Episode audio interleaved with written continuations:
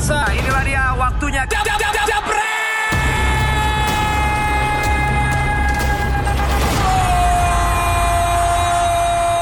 Alright, kembali lagi di DPI Dewan Partai Indonesia malam hari ini bersama Aryo dan Justin. Wah haus di belum makan cabai udah haus. Gue di ya. atas seribu nggak, di bawah seribu nggak mau ngomong. Biar Haryo aja yang ngomong. Oke, kita kasih klasmen dulu ya. Kalau kemarin eh, temanya DPI adalah Derby Sotoy. Malam hari ini lebih Derby panas Loyo. lagi. Letoy Sotoy. loyo Loyo. Derby gua Loyo. nggak datangnya tahu. Iya iya. Malam hari ini tadi malam ada yang seru ya. Yang pasti kita lihat dulu hasil pertandingan semalam. Bermain 3-1 Aston Villa. Ah, ada yang kejutan yang kejutan adalah Chelsea versus Arsenal. Alright. Dua-dua bro. Nah, yang seru apalagi ntar malam nih. Wolves Liverpool ya. Kira-kira bakal tersandung Liverpool. Masa sih. Bosan MU lihat Liverpool Burnley. menang mulu. Tapi yang jelas MU kalau Burnley big match tuh. oh, oh, big match. Iya buat MU big match Oh itu. iya iya iya iya. Oke, kita bahas Karena selalu susah kan lawan kecil. Kasihan Burnley dibandingin MU. Gila ya dikasih cabe gede banget bontot begini coba. Ayo udah, eh, waktu, woi. Iya ini ntar kita kan mau bahas Chelsea sama Arsenal nih. Gue suruh disuruh makan sama produser ya. Lo kalah taruhan apa sih? Ah itu MU Wolves. Kan yang yang lolos Wolves waktu di FA FA Cup. Ya elah, nggak penting Iya. banget. Dua-dua klub katro. Ayo buruan makan. Emang. Oh buruan makan ya? Lagian blow Eh on, nasi goreng taruhan dong, nasi gitu. goreng dong, nasi goreng dong. Taruhan itu duit. Taruhan cabe. Eh. Nasi goreng ya Allah. Nasi goreng. Satu aja belum ya belum. Itu tuh emang kalau kartu merah Arsenal tampil oke atau memang eh, strategi setelah di kartu merahnya David Luiz Arsenal lebih memang eh, apa strategi dari Arteta seperti itu nih. Aryo hancur goblok. Gua. Nggak mau Justin aja, muji-muji Arsenal nih. Oh, Belum- belum. Sombong banget. Biasa aja ah. Emang spesial ya? Hmm? Arsenal spesial. Ya rasanya kan Arsenal seri aja udah kerasanya menang gitu. Apalagi Ya. kalau menang. Kalau parameternya ngebales kekalahan kemarin kan mereka nggak sukses gitu ya ngebales. Hmm. Terus kalau melihat eh, Chelsea eh, biasanya kan juga di musim ini ya di Stamford Bridge kan dia juga kalah dari beberapa tim gitu.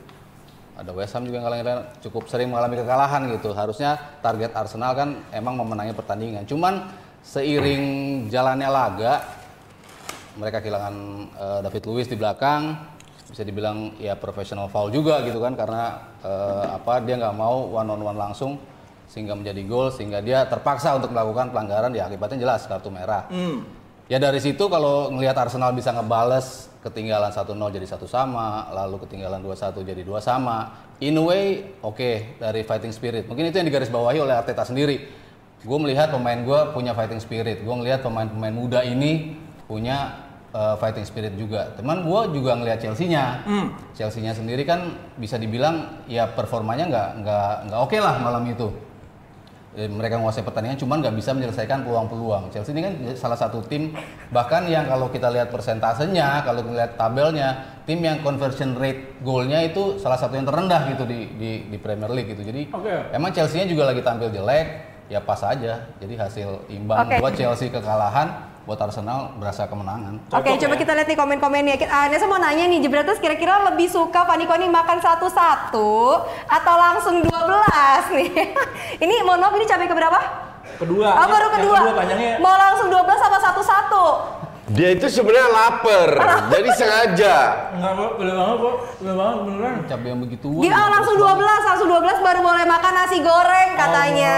Oh, Iya tuh. nggak Jebreter setuju ya makan 12 langsung baru boleh makan nasi Nah, goreng. perjanjian kemarin tuh 12 dibagi dua, gue mau Oh nggak bisa, kalian udah 12. Yaudah deh. Oke, lanjut. Lanjut, lanjut. Nah, ini udah seribu nih, kok. Ka- Oke, kalau kalau gue bilang David Luiz harusnya nggak Merah. eh, nggak bukan tidak melakukan pelanggaran itu. Pelanggaran itu layak kartu merah, tapi tidak melakukan. Kenapa? Karena itu baru di awal eh, babak pertama, baru menit 24. Dan kalau dia kehilangan akan lebih merugikan. Toh kena penalti juga. Oke. Harusnya dia sliding di depan menghadang beruntung dapat kalau di capping ya suai. Oke. Ketinggalan nggak ada masalah selama 11 lawan 11. Oke. Kalau dibilang Chelsea main jelek, gue nggak setuju. Bagus. Chelsea nggak main jelek. Chelsea create chances memang Iya, Yang jadi masalah, iya. chances maksud gua. Yang jadi masalah dengan Chelsea adalah efektivitas. Iya. Yang cetak gol tidak terlalu banyak. Mereka create chances bermain bagus. Kalau secara overall, gue bilang Chelsea layak menang. Karena peluangnya lebih banyak, tapi juga lawannya 10 orang. Nah, kalau lihat dari sisi 10 orang, ini comeback yang luar biasa. Orang akan lihat, oh ya ini cuma satu poin. Fuck you man, ini di kandang Chelsea loh. Chelsea itu bukan tim kaleng-kaleng loh, ngerti nggak? Oke, Bahwa Tapi hanya juga, dua tapi shot juga bukan tim konsisten. Oh ya betul, bahwa hanya dua shot dan menghasilkan dua gol, at least lu di kandang Chelsea bisa meraih satu poin. Itu gua rasa sebuah prestasi untuk tim yang baru saja di dibentuk dengan pelatih baru, yang baru bermain dengan filosofi baru, yang mengalami banyak cedera, yang berusaha untuk bangkit mendapatkan satu poin dengan 10 orang di filosofi itu luar biasa. Oke. dan itu harus diakui. Di luar main kalau kalau dibilang apakah mainnya bagus? Nggak terlalu bagus amat. So-so lah. Tapi dari menit 26 Justru jelek, udah 10 Arsenal orang. ngerti nggak? Apa ini gara-gara Mustafi yang di belakang kurang oke waktu sebelum nah terjadi pelanggaran? gue lebih fokus ke Mustafi ini hampir tiap pertandingan bikin blunder Dan ini, ini kan- bukan hal biasa. Ini bukan hal yang biasa. Dia sering kali passing salah lah, terlalu lambat lah. Pokoknya sering kali dia buat bahkan gol kedua itu Mustafi juga ball watching ya. Nggak nggak menutup, nggak ambil inisiatif nothing. Tapi kalau lu punya pelatih seperti itu, udah gue pertanyaan kenapa lu harus mainkan? Nah, dia kan memang awal-awal nggak nggak dimainkan. lo milih siapa? Holding? Exactly. Nggak, bukan. Masalahnya nggak banyak pilihan juga. Iya. Rob Holding lagi ba- baru sembuh dari cedera. Nah sekarang Socrates gue nggak tahu nextnya bisa main atau enggak. Da- David Luiz eh, nggak ada. Memang nggak banyak pilihan. Atau kalau perlu next matchnya Rob Holding sama si siapa Saka aja main daripada Mustafi Tapi hancur-hancuran. Mustafi kan setidaknya memberikan harapan yang bagus buat fans Arsenal. Kemarin walaupun terlepas dari blundernya membuat David Luiz Harapan apa? Harapan masa depan gitu kan. dibandingkan depan Saka. gimana? Harapan masa depan Arsenal selain Saka yang harus dijual-jual gitu. Ya mendingan megang Saka lah dibanding Mustafi. Jauh. Ya walaupun awalnya memang Saka karena bentrok Nggak sama jelas ini kardus satu botak sama yang- fans kan. Saka kan karena apa ada gestur yang dianggap melecehkan fans gitu ya. Akhirnya dia nggak disukain lah gitu. Cuman kalau dari sisi permainan ya jauh sih bagusan Saka lah. Maksudnya Saka kemarin di sacrifice yang di belakang aja bagus banget. Sejelek-jeleknya Saka Terus bagus di, di enggak? pertandingan lawan MU waktu itu juga dia berapa kali digeser ke sisi kiri bisa juga melakoni itu ketika Kolasinac naik Iya, kan iya, iya. dia bisa nutup sisi sebelah kiri jadi Oke. kalau keharusan siapa yang harus didepak ya, ya mungkin Socrates ya jelas jauh lebih layak dibuang lah dibandingkan Saka Oke. Enggak, Kalau- so mu- sama Mustafi sama Luis ya harusnya dibuang tiga-tiga. Tapi ya kalau susah Luis juga. Luis per apa Nggak konsisten. Cuma progresnya iya, kayak progresnya bagus Arsenal. di bawah Nggak selalu main Arteta. jelek, oke, Iya, betul. Maksudnya Cu- cuman di- dia kan justru bisa menjadi pemain yang pemain belakang Hmm. yang pas ke depannya tuh paling banyak si, Dia- si David Luiz. dia udah tu- terlalu tua juga Ketika kalau dipegang Arteta. sih. Maksud gua adalah seorang sosok yang senior gitu kan Iya. di lini belakang tuh dibutuhin lah. Oke, selain itu Bellerin golnya memang kejelian seorang Bellerin atau memang eh, kebeleannya seorang Kepa? enggak, Ya. gua, gua- lu orang itu kan selalu ngelihat bahwa gol itu harus syuting keras, harus apa. Enggak. Gol itu nggak harus keras. Positioning dianya. Iya, itu benar-benar dipakai efek dan benar-benar masuk ke ke ke pojok banget. Bahwa Kepa tidak dapat, Kepa itu kalau nggak salah ditutup oleh beberapa pemain Pemain. juga. Jadi reaksinya agak lambat juga. Jadi ka- kalau gue bilang itu murni gol bagus, nggak ada yang salah. Memang it's a good goal. Walaupun eh, itu gol bukan dari awal eh, atau speednya bola tidak terlalu keras, tapi benar-benar ditaruh ke tiang jauh gitu loh. Oke, kalau dibandingin dengan Martinelli sendiri, wah ini ini ini kalau dibandingin dengan Nggak tahu, Anelka sejauh ini nggak? Enggak, enggak. Dom terlalu bandingin dengan Anelka. Martinelli untuk gue itu Inzaghi kedua. Ush, Oke. Terima kasih udah bawa Nomi. Lu kalau lihat Martinelli dan itu gue mengikuti dia dari match pertama. Oke. Ke, keuntungan ini pemain cuma satu, dia bisa cetak gol. Betul. Gol instingnya tinggi, posisinya selalu bagus. Tapi kalau suruh pegang bola, gue rasa sama blacknya sama lu Niko. Jadi f- first touch-nya, first touch-nya itu hancur-hancuran.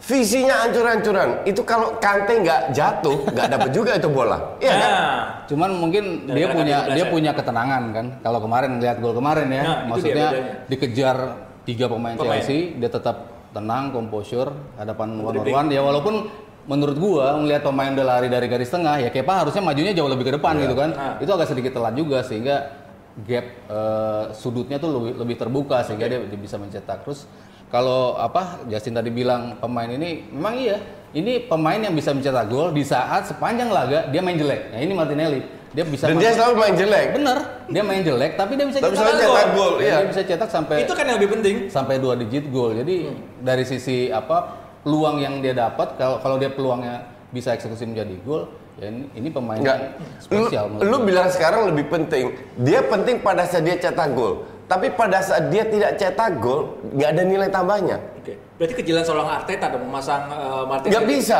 Nggak. Ar- bisa. Arteta itu bukan tukang Kan Robo- sulap. Mau. Arteta itu bukan tukang sulap. Oke. Arteta hanya pelatih yang bisa memberi masukan kepada pemain. Kalau pemainnya emang nggak punya bakat, mau dia apain pun susah juga. Bleh juga ya. Ngerti nggak? Lu sekarang di- ditarik masuk Man City, dipegang Pep atau Liverpool lah. Emang lu jadi bagus?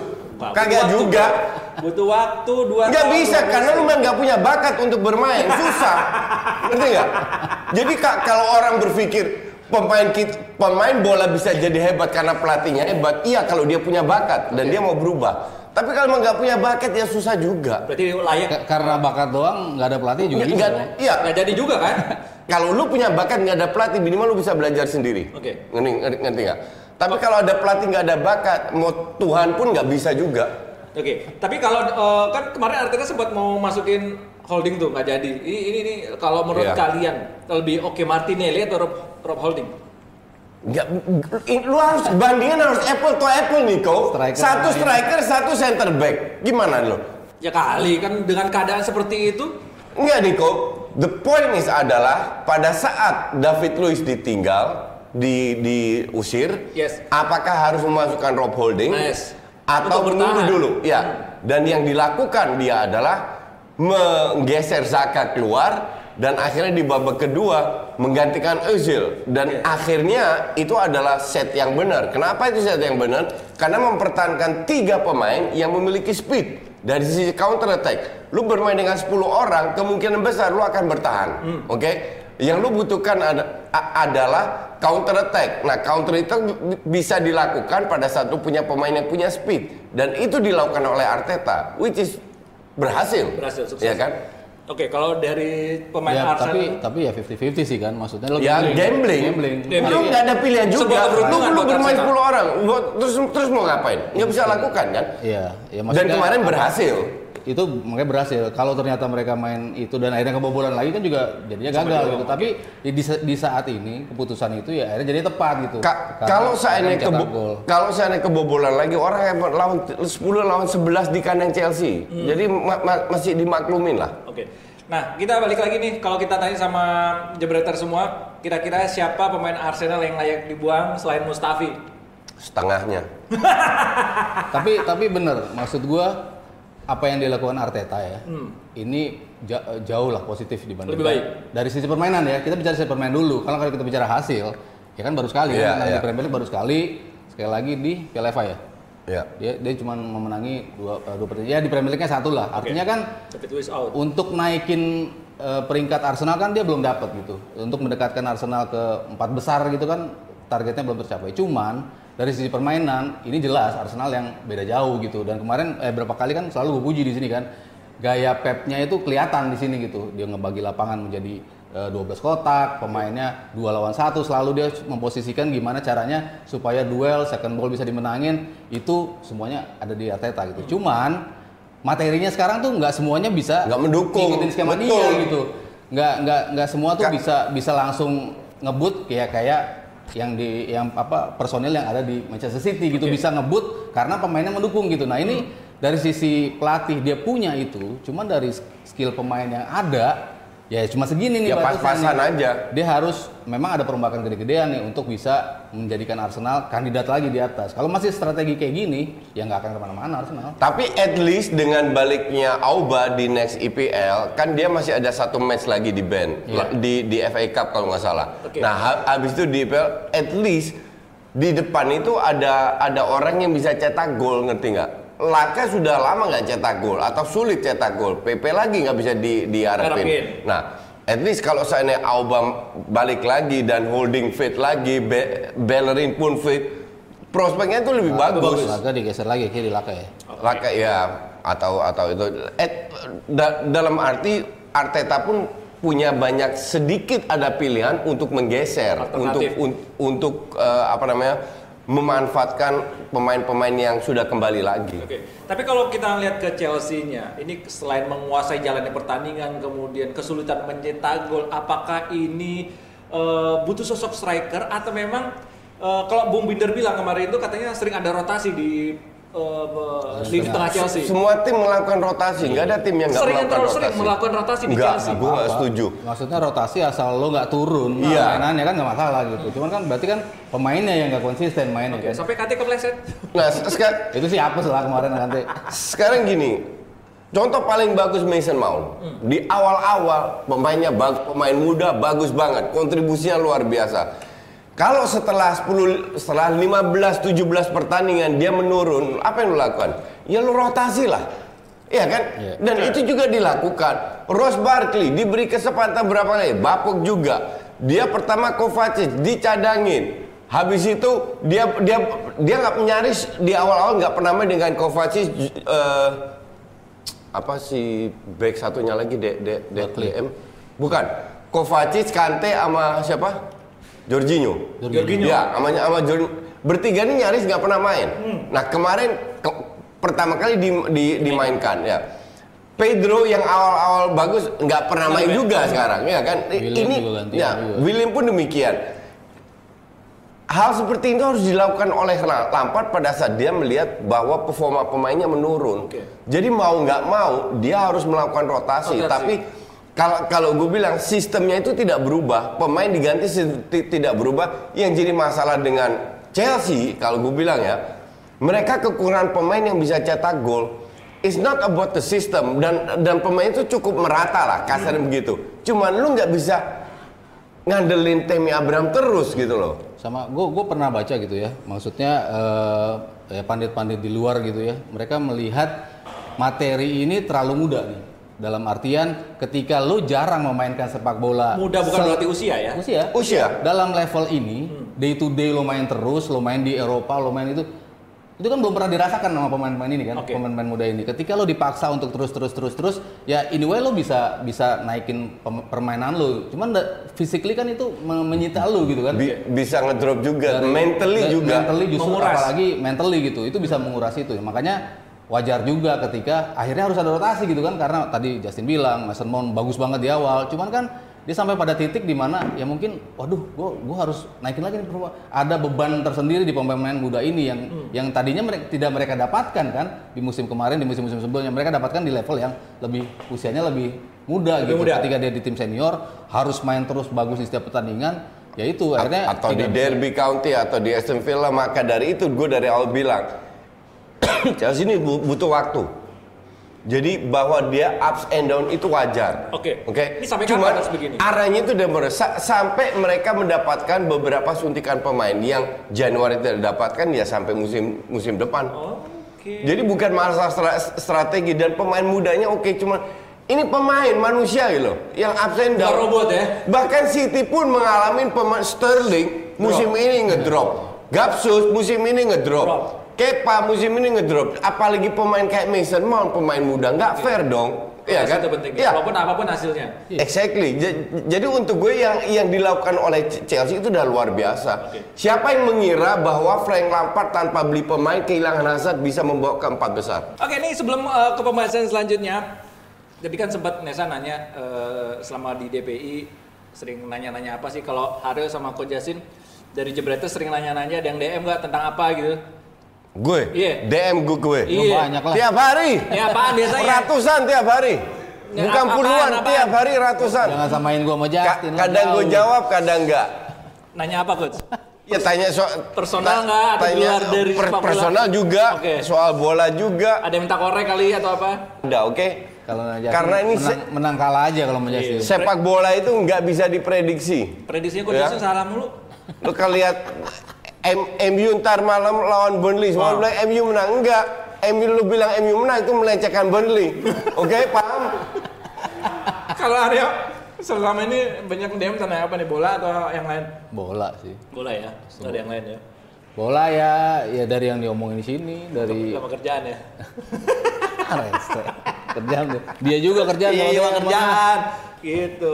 Endorsement kalau dia. Iya. Eh, sempat mati lampu ya? Enggak, Kapan? sebentar doang nih. Mati lampu off. Mati Oke. lampu. Refresh, refresh. Lu kalau bayar listrik nggak bayar nggak bakal mati lampu lu. Oh iya. Oke, next. Banyak Oke. yang nanya, banyak yang nanya. Ih, Kok- mati lampu Apa? tadi. Mati lampu?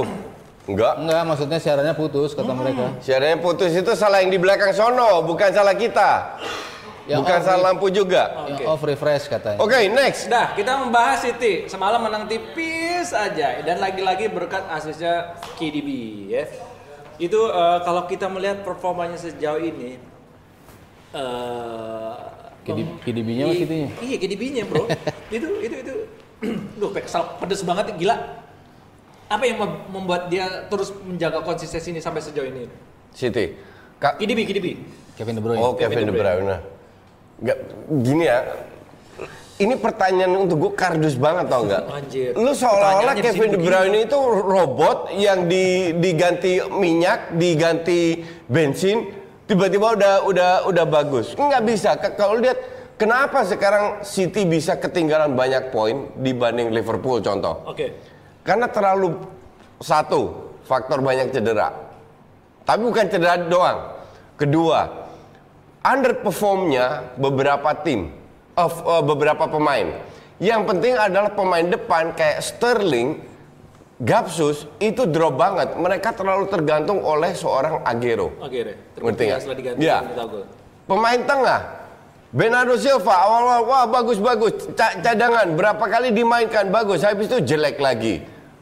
Rodri demikian. Mahrez awal-awal jelek sekarang udah agak bagus. Jadi terlalu tidak konsisten dari ter- pemain City, terlalu baik pemain yang tidak konsisten yang membuat mereka ngedrop. Udah tau pemain yang ngedrop kayak Gabzu dikasih juga eksekutif penalti gitu. Ini ini Kan dia pede orangnya. ya itu dia yang beli eh siapa Enggak, sebenarnya? enggak akhirnya akhirnya Pep enggak. Pep itu punya punya aturan. Oke. Soal penalti kalian atur sendiri. Iya. Tapi karena karena sudah 11 kali kalau nggak kalau kalau nggak salah nggak nggak masuk akhirnya dia Buruk gede banget. juga. Yes. Akhirnya kayak kayaknya dia sekarang mau nunjuk. Tiga, eh tiga kali dalam Tapi harus di tiga, apa? kali, tiga penalti dalam enam percobaan dia nggak masuk. Ya 50 persen ya. 50% lumayan itu. Ta- tapi harus diakui kipernya itu 30 pers Bagus 30 banget, cm itu berada di depan garis loh. Berapa kali Dan dia itu juga? bukan bukan masalah Harusnya itu. diulang, harusnya diulang. Untuk gue wasit Inggris ini hancurnya hancur, sampahnya sampah serius. Coba kita lihat ada nggak eh, tayangan ulangnya tuh? Nggak benar. Lu lihat se- sebelum sebelum bola ditendang, lu kasih lihat itu benar-benar Iya. 30 cm. Maju. Dia dia loncat. Kalau seandainya wasit di Jeli. dalam lapangan tidak melihat itu dan untuk gue itu buta kalau dia ngelihat Apa karena juga ada yang- lu berada protes? sebagai wasit, Hmm. lu mene- menempatkan diri lu di dalam sebuah posisi di mana lu dalam uh, optik lu bisa melihat langsung pemainnya dan kipernya. Oke. Oke. Kalau itu pun tidak bisa, wasit VAR ngapain? In the way di di, di atas. Hmm. kan harusnya dia melihat, iya kan?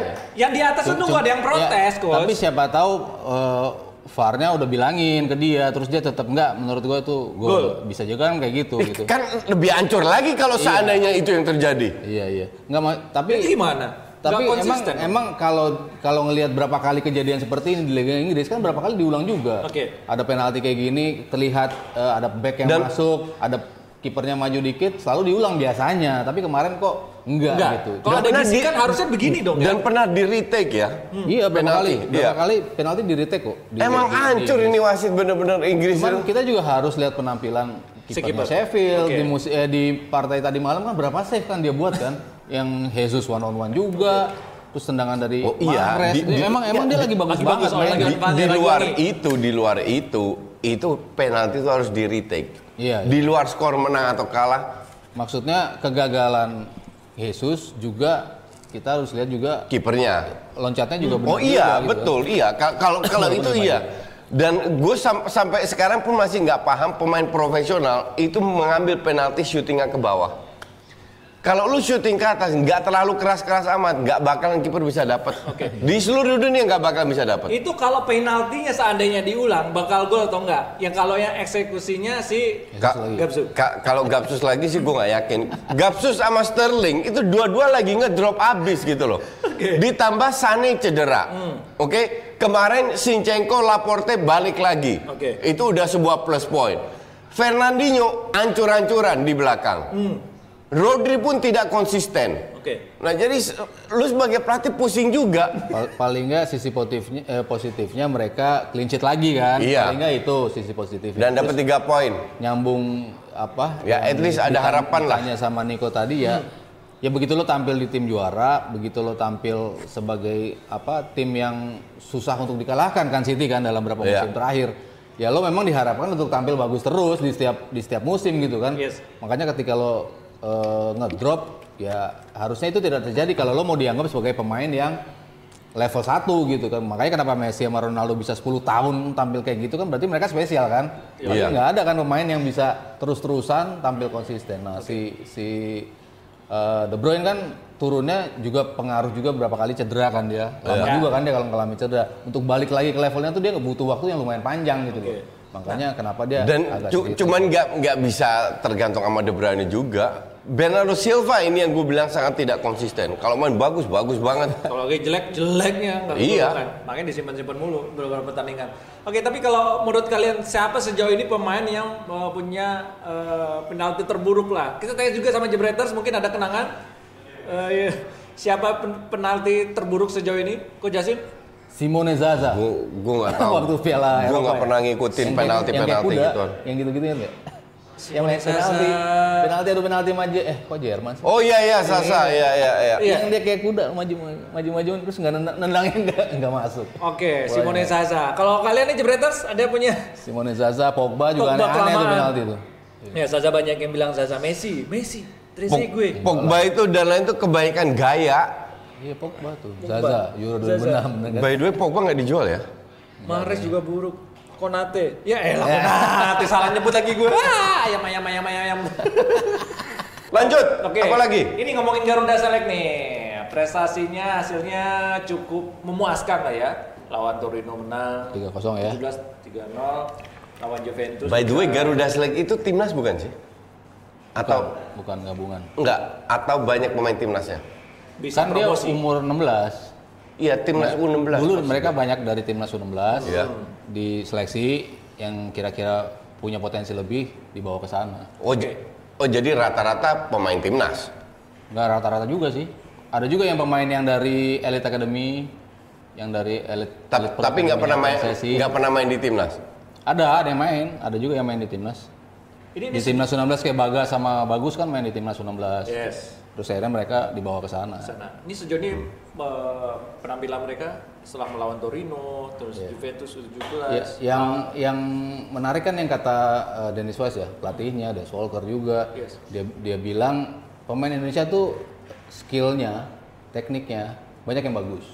Cuman mereka nggak tahu cara bermain as a team.